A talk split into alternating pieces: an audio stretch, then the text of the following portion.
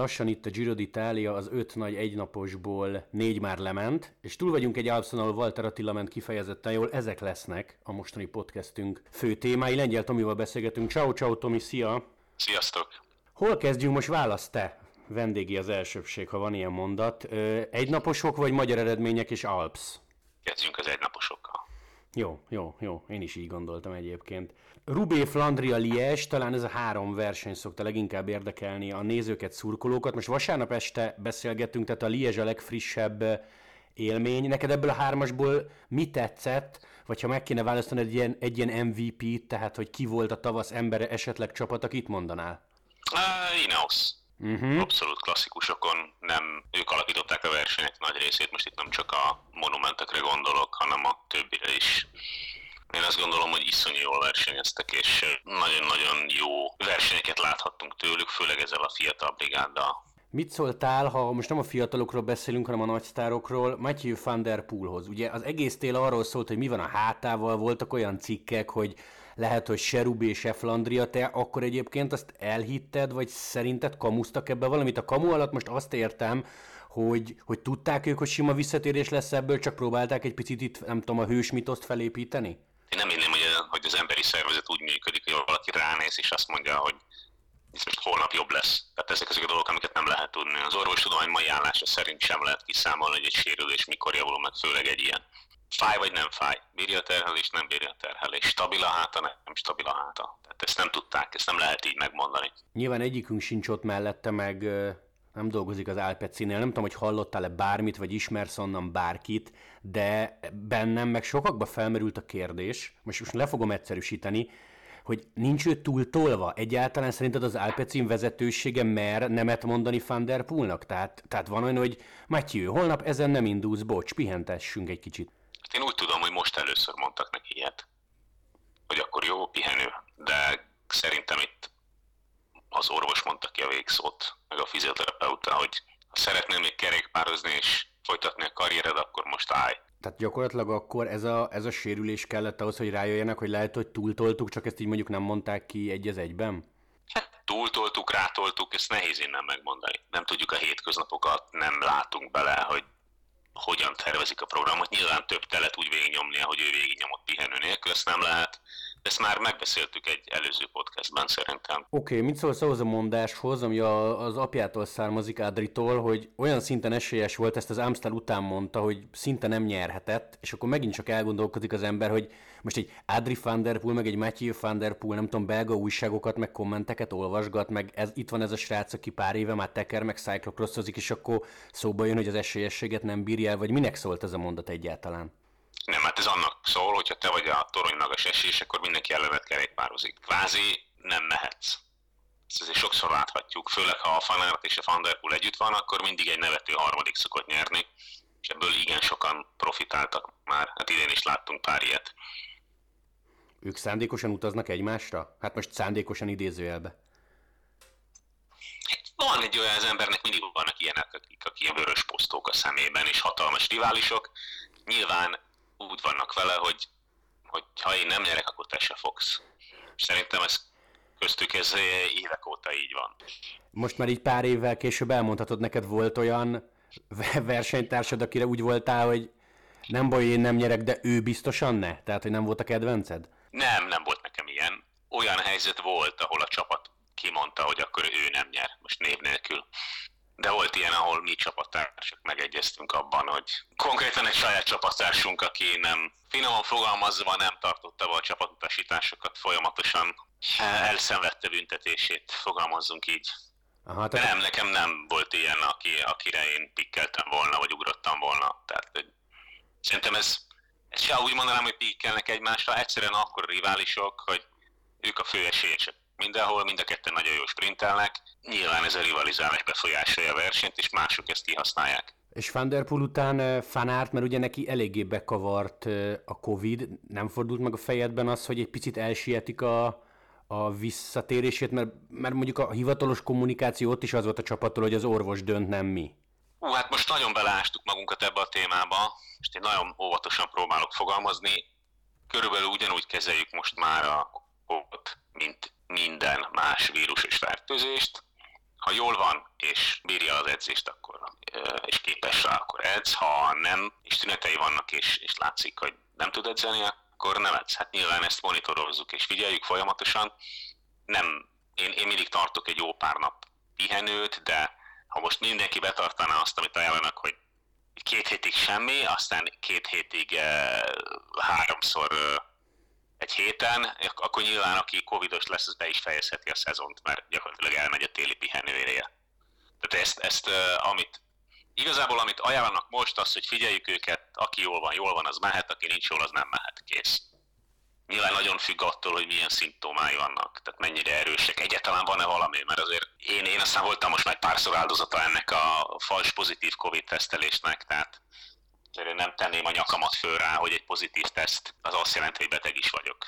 Most már voltam kétszer covidos, nem tudom hányszor voltam pozitív, meg negatív, úgyhogy Isten igazából ez ugyanolyan, mint a többi felső légúti megbetegedés a többségnél, sajnos vannak olyan esetek, amikor sokkal súlyosabb következményekkel jár, ezért kell óvatosnak lenni. Most ott egy akkora orvosi stáb dolgozik a Jumbónál, hogy, hogy jobb lenne inkább őket megkérdezni, hogy ezt hogyan, hogyan kezelik, és mi erre a protokoll a csapaton belül. Szerintem elég egyértelmű, hogy ő edzett, amíg jól volt. Ezt pont szerettem volna kérdezni, hogy nálatok itt csapaton belül, akkor mi a szabály? Tehát ha nekem az elmúlt három napban 40 fokos lázam van, akkor nem ugyanúgy, meg nem ugyanakkor térek vissza, mint ha produkáltam egy pozitív tesztet, de full semmi bajom. Hát nyilván, nyilvánvalóan. Hát eleve a láz az egy kizáró az edzésnek. Tehát, hogy ott a láz után az ember még egy jó pár napot vár, teljesen tünetmentes legyen a sportoló. Tehát azért az nem játék, hát nem akarunk senkit tönkretenni, meg, meg szívizomgyulladás és egyéb problémát okozni neki, tehát a betegen edzésnek azért igen komoly következményei lehetnek, és ezzel szerintem jó lenne, ha mindenki tisztában lenne. Azért szerintem egy kicsit képzettebb edzők nagy része tisztában van azzal, hogy ez nem játék, és én nem a Covid-re hegyezném ki, hanem mindenféle betegségre. Tehát szoktuk ezt mondani, ugye, ami a, egy kicsit az orrod viszket és folyik a, a, a az orrod, akkor az nem olyan nagy baj, de ha, ha lemegy már torok, meg lefelé, akkor, akkor az már azért kizárók szokott lenni. Én nem. Én, én simán úgy vagyok vele, hogy edzünk eleget, ha most ki kell hagyni egy pár napot, semmi nem történik. Ezek a srácok annyit melóznak, hogy 3-4-5 nap semmit nem jelent. Igazából nem okoz olyan teljesítmény visszaesést, ami jelentősen befolyásolna bármit is. Nem tudom a fanárt esetében mi volt, tehát hogy ezt most itt kardozunk a levegőbe információ nélkül, tehát amit ő mondott, nagy láz nem volt, de tudod, ez a klasszik ilyen minimál megfázás tünetek. Hát nyilván akkor ízire vette. Gondolom egy-két-három napig pihent, aztán elkezdett bringázni, és akkor jó volt, akkor elkezdett edzeni. Azért ezt gondolom van ott orvosi apparátus, aki látja, hogy van egy gyulladás, nincs gyulladás, mi a helyzet, csomó mindent lehet mérni, nézni, és ott azért apparátus is, meg pénz is van rá. Hát én ezért nem aggódnék, hogy a legjobb versenyzőiket, akibe millió eurókat fektetnek, ők fogják tönkretenni vagy kockáztatni az egészségét, amikor csak most kezdődött a szezon. Mondtad ezt a kihagyás dolgot, innen jutott eszembe, hogy amikor még pár héttel ezelőtt tudod, Walter Attinak a térde hír volt, meg probléma, meg folyamatosan zavarta, akkor azt talán nálunk nyilatkozta is, hogy lehet, hogy okosabb lett volna mondjuk egy egy-másfél hétre leállni, csak hát tudod, ő, ő, ő tökre becsületes, szinte nem tud másfél hétre leállni, tavasszal ez nagyon nehéz, de hogy effektíve lehet, hogy jobb lett volna, hogyha egy picit pihenteti a lábát, mondván, hogy a forma nem tűnik el. Két kérdés ezzel kapcsolatban. A, ehhez te így mit szólsz? B, van valami, bármifajta ökölszabály arra, hogy mennyi idő alatt érzed azt, hogy a forma eltűnt, meg gondolom mondjuk három napra leállsz, akkor azért a téli alapozás benned marad. Hát megvan körülbelül, hogy, hogy négy nap kihagyás az, amikor semmilyen mérhető teljesítmény csökkenés nincs, három-négy nap, és akkor utána, egy hét után akkor azért igen nagy lendülettel elkezd zuhanni. Tehát van, van erre szabály, de azért az nagyon nem mindegy, hogy ki mennyire, fizikálisan mennyire aktív. Tehát, hogyha ágyhoz vagy kötve, akkor lenullázod magad nyilván, vagy már egy hét után is. Tehát azért, ha az ember egyébként aktív, meg ugye betegségeknél is sokféle verzió van, mondjuk egy komoly láza van az embernek, akkor fekszik. Tehát, ez nem az, amivel szaladgál, de most a taknyos attól még fizikai aktivitást végezhet. Tehát most ezt értem, hogy ha most valaki 110-es pulzussal biciklizik egy órát, semmi baja nem lesz. Ha most, ha most egy kicsit náthás vagyok, semmi nem. Én már nem edzek ilyen esetben, meg 16 is esetre visszatérve, ha nem tudod, hogy mi a sérülés oka, azt is nehéz eldönteni, hogy most akkor ki kell hagyni, vagy nem kell kihagyni. Mert ha jól tudom, nem nagyon tudták, hogy mi a konkrét probléma. Hát. Beszéltem a Tibivel, nem volt teljesen világos, hogy mi az indok. Egyébként én a mai fejemmel már mindig minden esetben azonnal kihagynék, és azonnal pihennék. Ha valamit elrontottunk pályafutásunk alatt, akkor az az volt, hogy nagyon féltünk pihenni. És én ezt konzekvensen betartatom a versenyzőimnél, hogy nem kell pánikolni, hogyha pihennék kell. Semmi nem történik. Az egészség az első, a másik meg, ahogy mondtam, hogy úgyis annyit edzenek, hogy hogy nem, nem befolyásol három-négy nap semmit. Na jó, csak mondjuk Atti példájánál maradva, most nem emlékszem, hogy a csapat mondta, vagy ez egy ilyen kitalált szám, vagy, vagy jó lett volna, ha a kategória, tehát hogyha most ő másfél hétre le, leáll úgy, hogy nem tudom, másfél hónap múlva meg Giro, az így soknak tűnik, nem? Mint szám, vagy mint kihagyás. Hát tíz nap, tíz nap a soknak hangzik. Kérdés, hogy mi a probléma, és mi a... Most nem tudom, hogy fáj a térde egyáltalán azért azt tegyük hozzá, hogy edzőtáborok, megerőltetés, hideg, ugye az ilyen izom problémáknál, amikor valami izomra koncátlankodik és attól fáj a térd, azért a legtöbbször a hideg szokott az egyik probléma lenni, uh-huh. ilyenkor tavasszal, és aztán azt nekem a legtöbb ilyen fajta sérülésem, vagy fájdalom, inkább úgy mondanám, mert ez nem is igazán olyan komoly sérülés, az az általában korai tavasszal volt, amíg rossz idő volt, és nagyon-nagyon ritkán volt ez a 30 fokban. Ettől függetlenül lehet, hogy ez a probléma még ott van, és lehet, hogy a Giro a harmadik hetében már nem lehet vele lábra állni. Tehát itt nagyon nehéz okosnak lenni. Én úgy vagyok vele, hogyha van egy sérülés, akkor azt ki kell deríteni, hogy mi az, és meg kell oldani, és amíg az nincs rendben, addig felesleges erőltetni, mert utána az ember harcol ezzel a problémával egész szezonban. Tehát én nem kívánom az Atinak, hogy ez történjen, és remélhetőleg ez teljesen megszűnt. Nem tudom, hogy az ő náluk az orvosi stáb mennyire veszi ezt komolyan, vagy mennyire van ebben magára utalva, fogalmam nincsen. Én személy szerint minden ilyennek utána járnék, de ez az én magánvéleményem.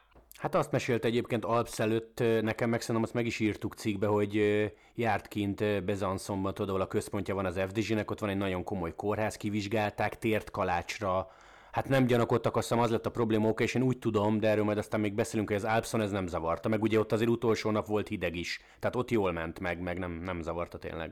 Na hát, ha megvizsgáltak, akkor biztos látják egyébként, ezek a biomechanikai dolgok azért nem olyan egyszerűek.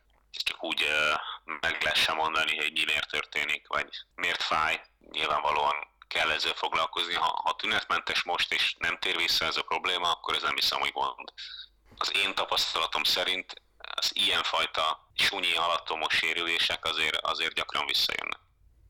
De mondom, ez nagyon függő. Van, akinek az egész karrier alatt egy ilyen sincs, vannak az ilyen szerencsétlenek, mint én, akinek, akinek rengeteg ilyenben volt része. Tehát ki mennyire robosztus és trapabíró, úgymond. Jut eszembe egyébként Grósz lista, amiről egy pár podcasttel korábban beszélgettünk, meg mosolyogtunk rajta.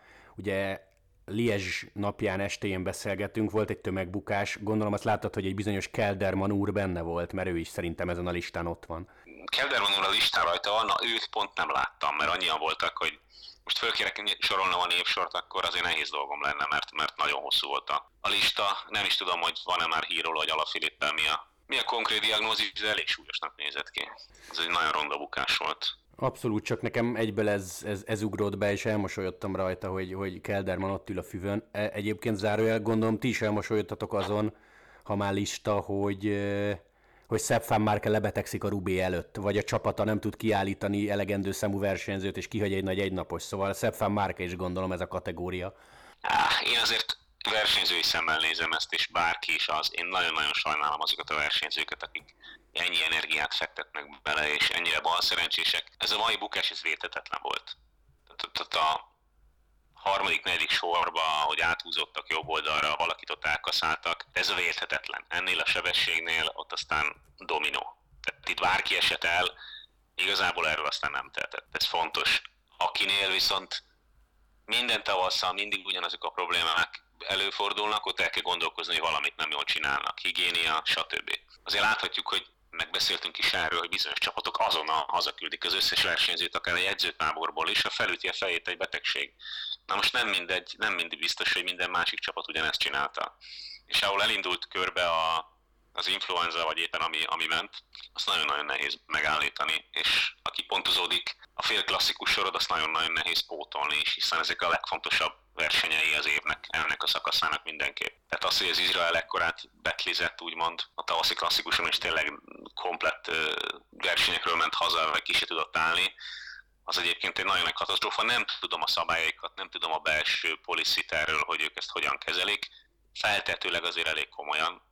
Viszont ha elindult, körbeért, akkor, akkor nincs mit tenni. És Uno X-es belső policit tud? Hát az komoly, komoly ez a kézmosás, kézfertőtlenítés. Én a a Sky-nál, hogy külön kézmosási tanfolyam is volt, tehát ez, ez nem vicc. Hát meg gondolom a maszk alap. Persze, ők ezt elég komolyan tartották egyébként, meg ugye a buborék. Tehát hogy azt azért tudni kell, hogy az UCI COVID protokoll az nem szűnt meg az idei szezonban sem. Tehát a szabályozás az ugyanolyan szigorú, mint tavaly vagy tavaly előtt a versenyeken. Tehát ne, essen, ne legyen félreértés, ez nem úgy van, hogy most szabadon eresztettek mindenkit.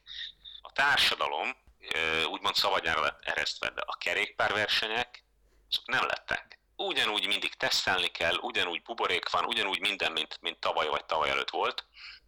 Úgyhogy nem a versenyeken terjed szerintem e, e, ez a fertőzés annyira, hanem, hanem a civil életben nyilvánvalóan sokkal több embernek van kontaktja olyanokkal, akik esetleg fertőzöttek lehetnek. Lenne itt nálunk soha nem volt még ekkora fertőzés, és konkrétan tudom, hogy az Uno X-nél is rengetegen elkapták szezon elején. Nem csak ezt, mást is. Teljesen abszurd időpontokban jönnek az influenza hullámok. Most például nekünk pont most volt ilyen, hogy gyakorlatilag igazából vége lenne az influenza szezonnak, de most kezdődött egy elég kemény hullám itt Norvégiában. Kvázi a kullancs szezonnal együtt, ami azért nem jellemző. Oké, okay, Ella Filipre visszatérve egyébként lapocka, két borda és álkapocs törés. Kérdés, hogy mennyire komplikált és mennyire súlyos, de akkor relatív megúszta. Azért az elég csúnyának igen, Bárdé volt a DSMS egyébként, aki megállt mellett, az látszott a tévében is, meg a különböző fotókon, és mondta Bárdé, hogy azért állt meg, mert nem, nem is a zuhanás nagysága, tehát egy ilyen 5-6 méter, hanem egy ilyen embertelen pozícióba feküdt áll a Filip, és nem nagyon tudott beszélni, tehát magánál volt, csak tudod, van, gondolom van az a kategória, hogy oda nézel, és úristen, ez, ez, ez nagyon para.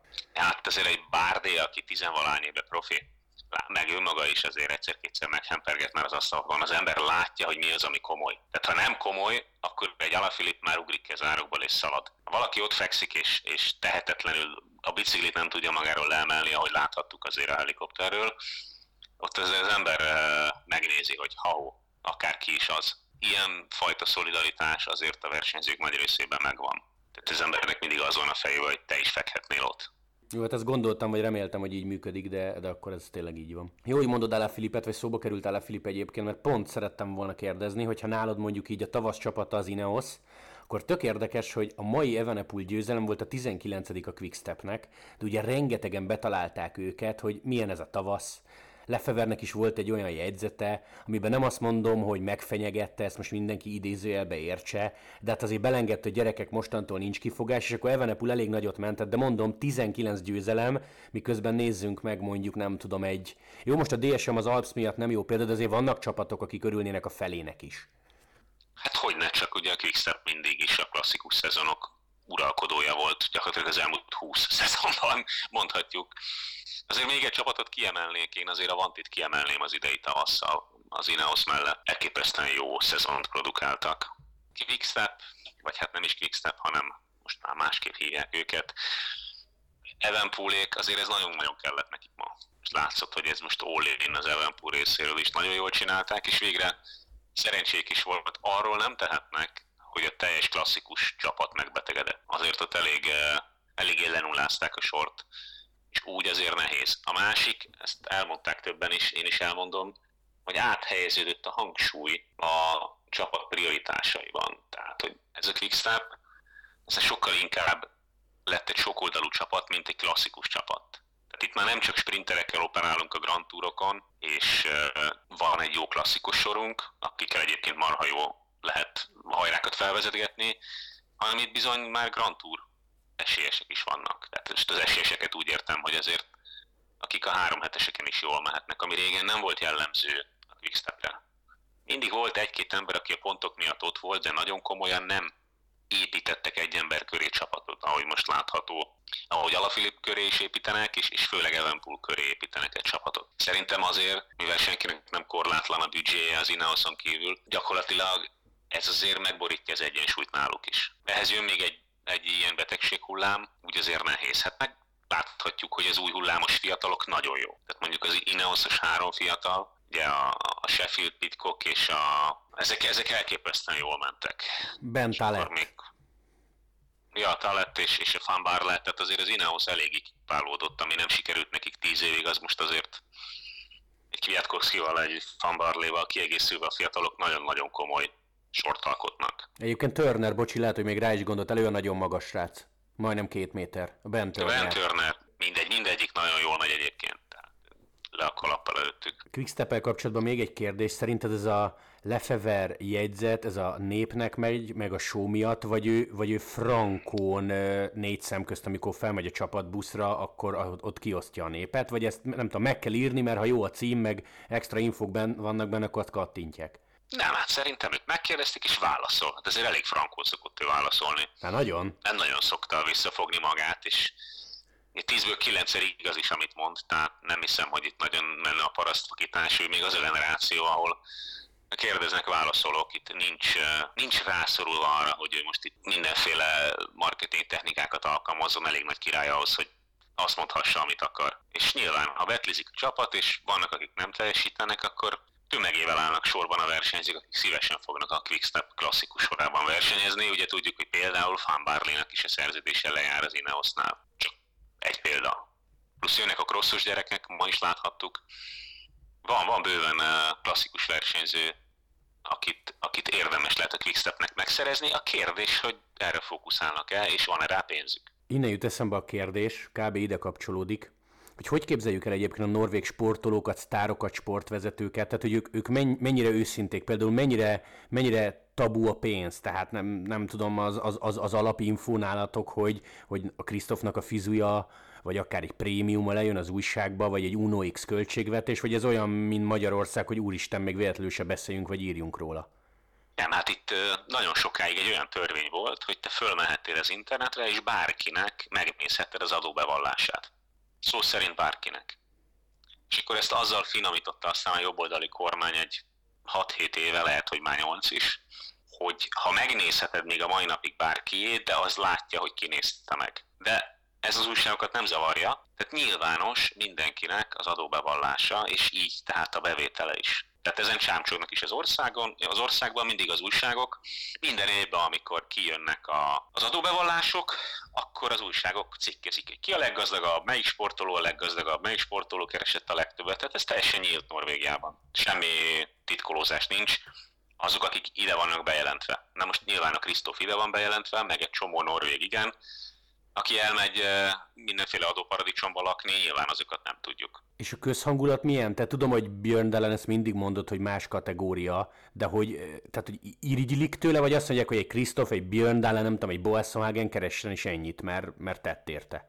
Nem, hát abszolút. Tehát ők azért szuperszárok nemzetközi szinten. Szerintem itt az embereknek a hozzáállása a sporthoz, azon kívül, hogy egyébként maga a sport alapvetően nagyon amatőr módon épül föl, ettől függetlenül a komoly teljesítményeket nagyon tisztelik. Nagyon büszkék rá. Tehát egy Krisztof nem kap olyan negatív kommenteket, vagy egy Boasson Hagen, nagyon-nagyon ritka az olyan. Tehát aki sportoló, az egy elismert ember. De ezt mondhatom még alsóbb szinteken is, tehát a saját példámon, hogy alapvetően, ha az ember valamilyen szinten kicsit komolyabb sportoló volt, akkor, akkor azért ezt nagyon-nagyon tisztelik, és egyébként az egy nagyon jó adó, például munka, a munkaerőpiacon is. Tehát most például a versenyzőim, akik abba hagyják, azok meg szoktak engem adni, mint kontakt szemét, hogy, hogyha érdeklődnek, akkor hol dolgozott, mit csinált, vagy sportolt, tudod, és, és nagyon gyakran felhívnak és megkérdeznek, hogy igen, ő sportolt, és mit sportolt, és hogyan csinált, és az, az egy nagyon nagy plusz. Az Uno X vezetői például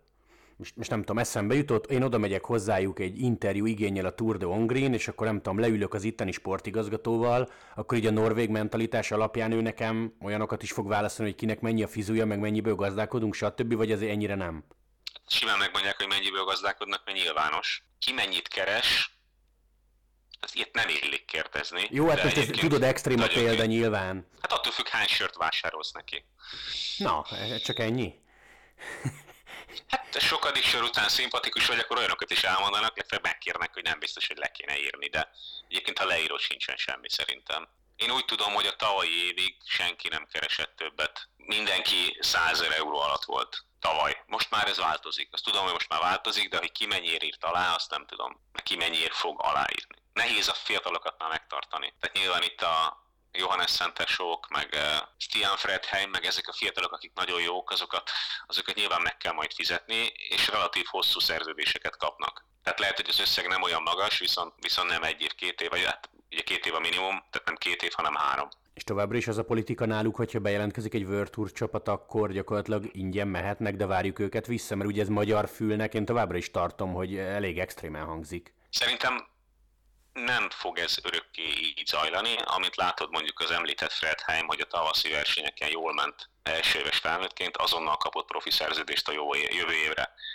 Tehát most már gazdálkodniuk kell, mivel az a cél, hogy Pro Tour csapat legyenek, ezért megpróbálják megtartani a tehetségeket. De ha valakinek lejár a szerződése, és kap egy sokkal jobb ajánlatot, akkor nyilván nem lehet kardozni azzal, akinek, aki erősebb, tehát fölösleges.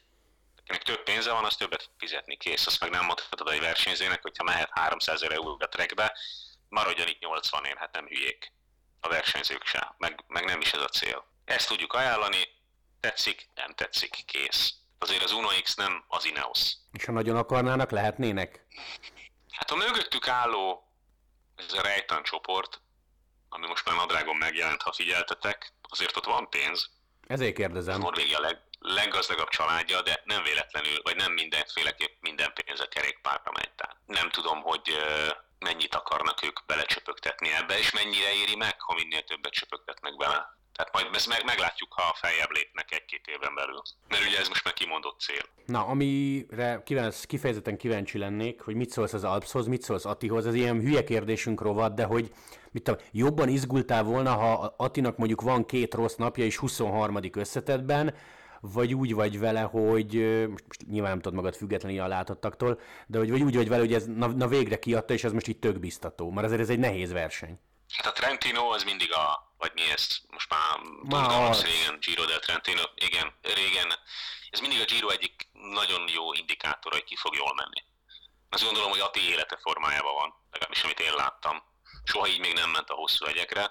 Nagyon jól versenyzett, tehát ott volt, elő volt, szerintem ez egy nagyon-nagyon biztató, biztató verseny volt. Szerintem már a katalán is, de ott azért nem mentek annyira hosszú hegyek, mint most. Most azért halak nagyon. A Gucsónak se sokon múlt, hogy átbukjon a hegyen a Bárdék féle sorral. De szerintem nem szabad elégedetnek lenni, elégedetlennek lenni ezzel. Én azt gondolom, hogy élete legjobb versenye volt eddig. Ő is így érezte, ő is így érezte. Nemrég beszéltem vele, lesz majd cikk egyébként az eurosport.hu-n, ezt a hallgatóknak mondom, de mondott, mondott egy vicceset, szerintem mindenki érteni fogja, aki követi a kerékpársportot, hogy beszélt Marcival, beszélt csapattársakkal, Erikkel, és mindenki mondta, hogy ez brutális volt, főleg az utolsó szakasz a rossz idő miatt, meg mind az öt nap. És azt mondta, hogy ő meg mindenkinek azt mondta, hogy ez könnyű volt, aztán abban maradtunk, hogy igen, ha erős vagy, akkor könnyű. De érted, hogy mit akarok belőle kihozni, hogy élvezte az egészet, meg jól ment. Nézd, én nagyon kíváncsi voltam a számokra, és megnéztem. Gyorsan ment. Maradjunk annyiban. Jó, akkor ez most játszunk el a gondolattal, te izgultál Atiér, a példa kedvéért, most már nem izgulsz? Én nem izgulok Atiér. Jó, hát most du- dupla idézőjelbe érts. De hát akkor ez, ez az Alps, ez neked egy olyan jel volt, hogy oké, oké, okay, okay, ez rendben lesz? Mármint a Giro miatt kérdezem. Úgy, persze, Azért persze, van rendben? Persze.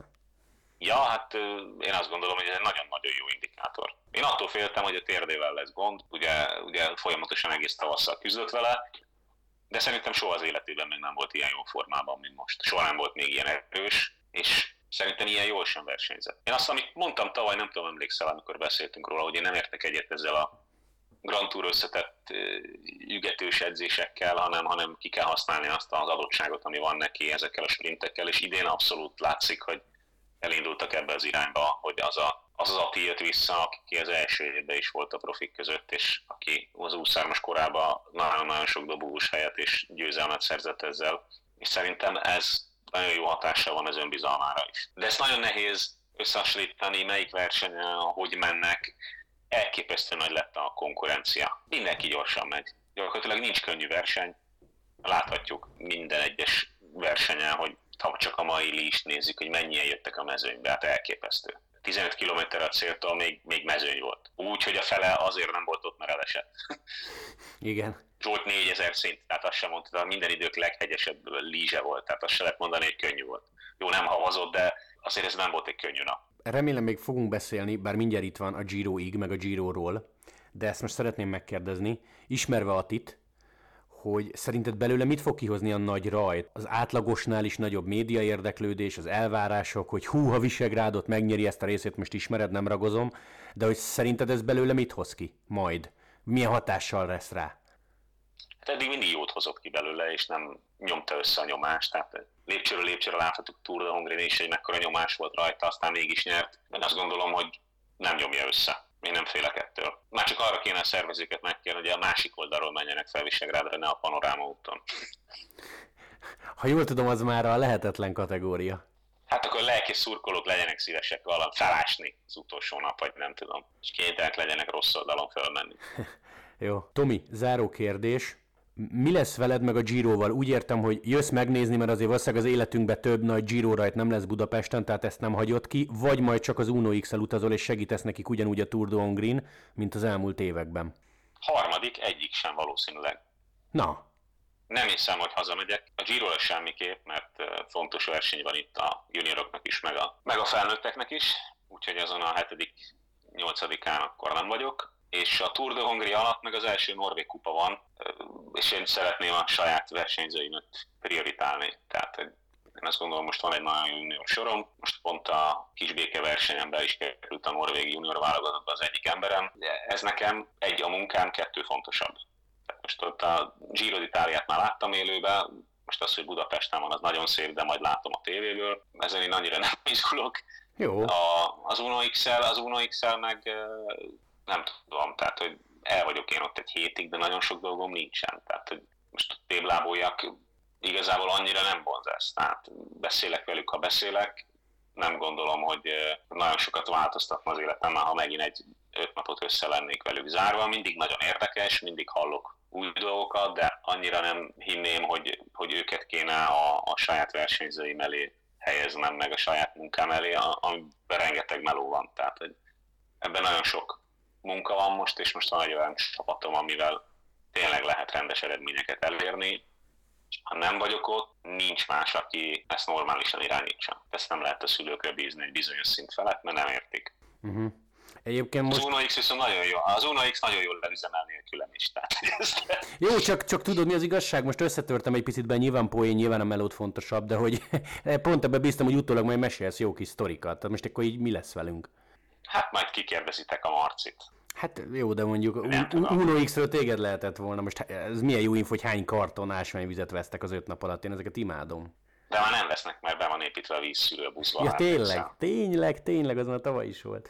Na jó, mindegy, ez, ez abszolút poénnak szántam volna egyébként, de azért jó, jókat hallasz te is, vagy hallottál eddig, tehát ilyen szempontból jó volt. Persze, hát mindig, a, tehát ahogy mondjam, tehát egy bizonyos szempontból sajnálom, mert, mert nyilván a, a szakma egyik csúcsánál az ember ott eltéblábolhat, és leesnek a pletykák, új dolgok, stb. Tehát ezek érdekes dolgok. Másrészt viszont funkcióm kvázi zéró. Tehát, hogy gyere erre egy oda. Jó, hát tavaly, amíg miattam kitört káosz miatt, volt dolgom bőven, és megoldottam, de az nyilván nem, nem volt egy eh, pozitív élmény a részemről. Tehát szerintem eh, kihagytam volna, ha lehetett volna ezt a, ezt a fals Covid sztorit. Oké, okay, jó, Tomi, hát figyelj, akkor legalább egyébként nem tudom mennyit látsz majd a három magyarországi szakaszból, de ha a tévén nézed, akkor akkor egyrészt meg lesz gondolom a verseny nagy része, vagy legalábbis a három magyarországi nap nagy része, és lényegről nem maradsz le, úgyhogy beszélni meg tudunk majd róla.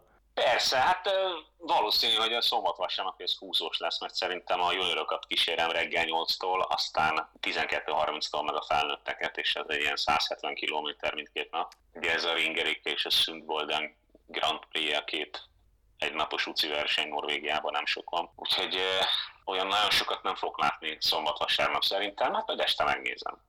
Jó. Ha a nyer, az biztos fogom tudni, akkor majd csipog a telefonom.